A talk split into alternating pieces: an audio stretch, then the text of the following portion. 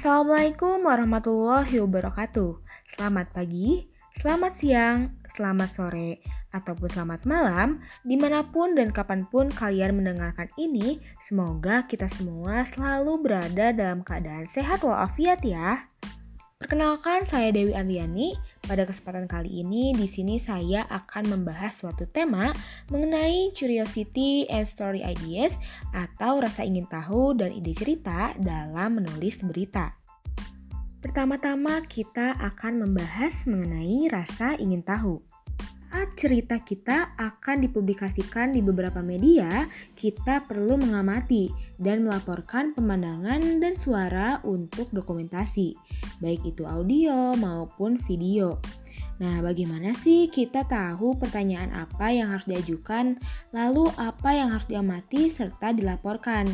Nah, mulailah dengan dasar-dasarnya. Poin pertama yaitu siapa. Nah, di sini kita harus mengetahui nama lengkap orang yang terlibat beserta huruf ejaannya.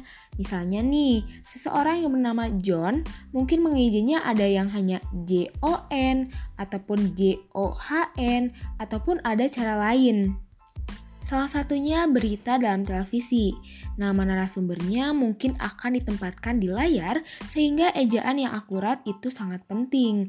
Selain itu juga kita bisa menanyakan kepada narasumber bagaimana sih dia lebih suka dipanggil. Yang kedua, apa? Dapatkan penjelasan tentang apa yang terjadi. Nah, dalam beberapa cerita, kita harus menceritakan urutan kejadian. Kita tidak harus menulis cerita secara kronologis, tetapi kita perlu memahami urutannya ya. Yang ketiga yaitu kapan. Di sini kita harus mencatat hari dan waktu acara berlangsung. Yang keempat, di mana. Di sini kita harus mendapatkan lokasinya. Mungkin kita juga harus memberikan detail kepada seniman grafis untuk peta lokasi. Jadi, kita harus mengumpulkan detail spesifik tentang lokasi tersebut. Yang terakhir yaitu mengapa. Di sini kita harus bisa memahami apa yang menyebabkan peristiwa tersebut dapat terjadi. Lalu kita juga harus mengetahui konfliknya serta juga resolusinya.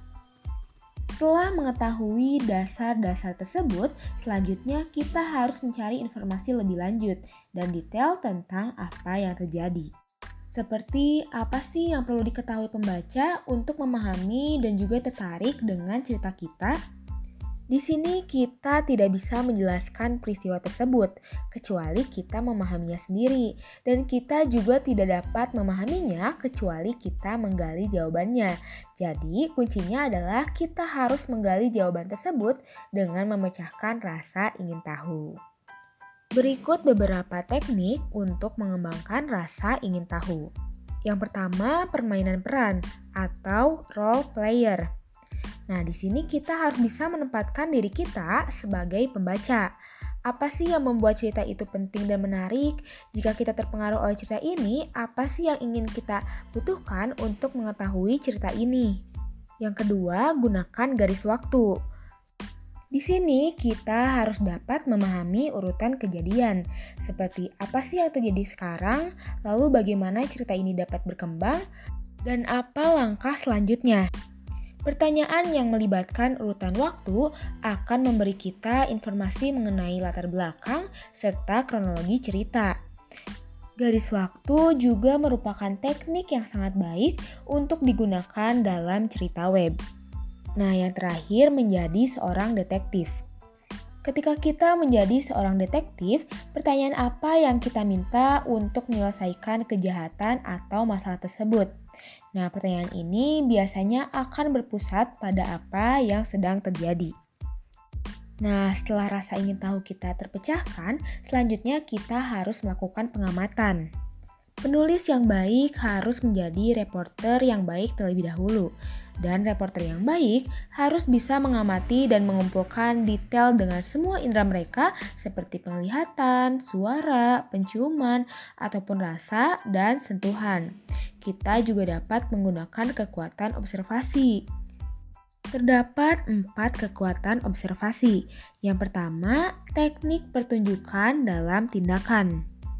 Jadi, jika kita ingin pembaca memvisualisasikan sumber atau adegan berita, salah satu teknik terbaik adalah menunjukkan pertunjukan atau tindakan dalam berita tersebut. Hal tersebut bertujuan agar pembaca mudah membayangi atau mudah meresapi. Lalu yang kedua ada teknik deskriptif berdasarkan observasi. Di sini kita membutuhkan pengamatan yang baik baik itu berita keras ataupun berita lunak. Contohnya berita tentang bencana, cuaca, kebakaran, dan juga peristiwa lain, di mana pemandangannya harus detail dan deskriptif berdasarkan observasi. Yang ketiga, observasi fakta versus opini.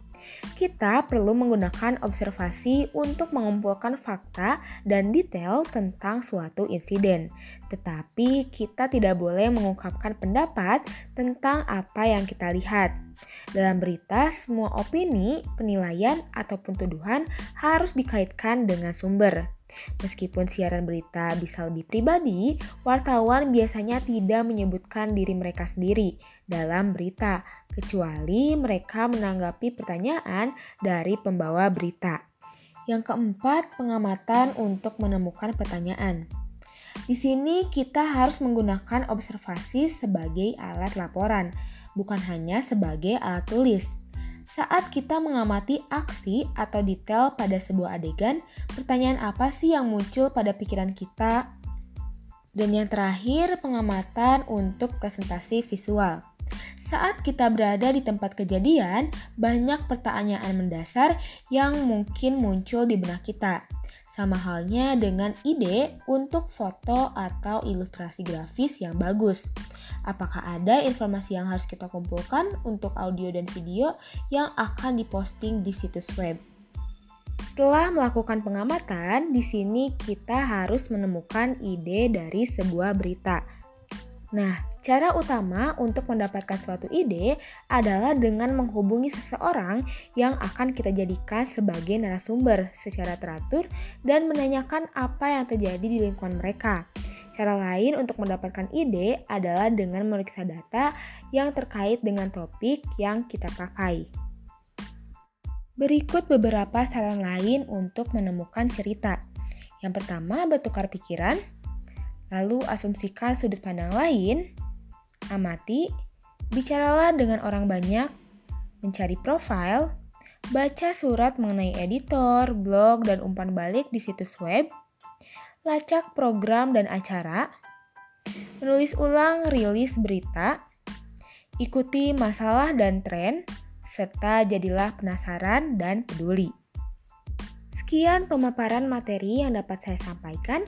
Selanjutnya, saya ingin memberi pertanyaan nih kepada teman-teman untuk menguji apakah teman-teman mendengarkan pemaparan materi sampai akhir atau tidak ya. Pertanyaannya yaitu, role play atau permainan peran merupakan salah satu cara untuk mengembangkan rasa ingin tahu. Nah, tolong dong jelaskan apa itu role play dan berikan contohnya.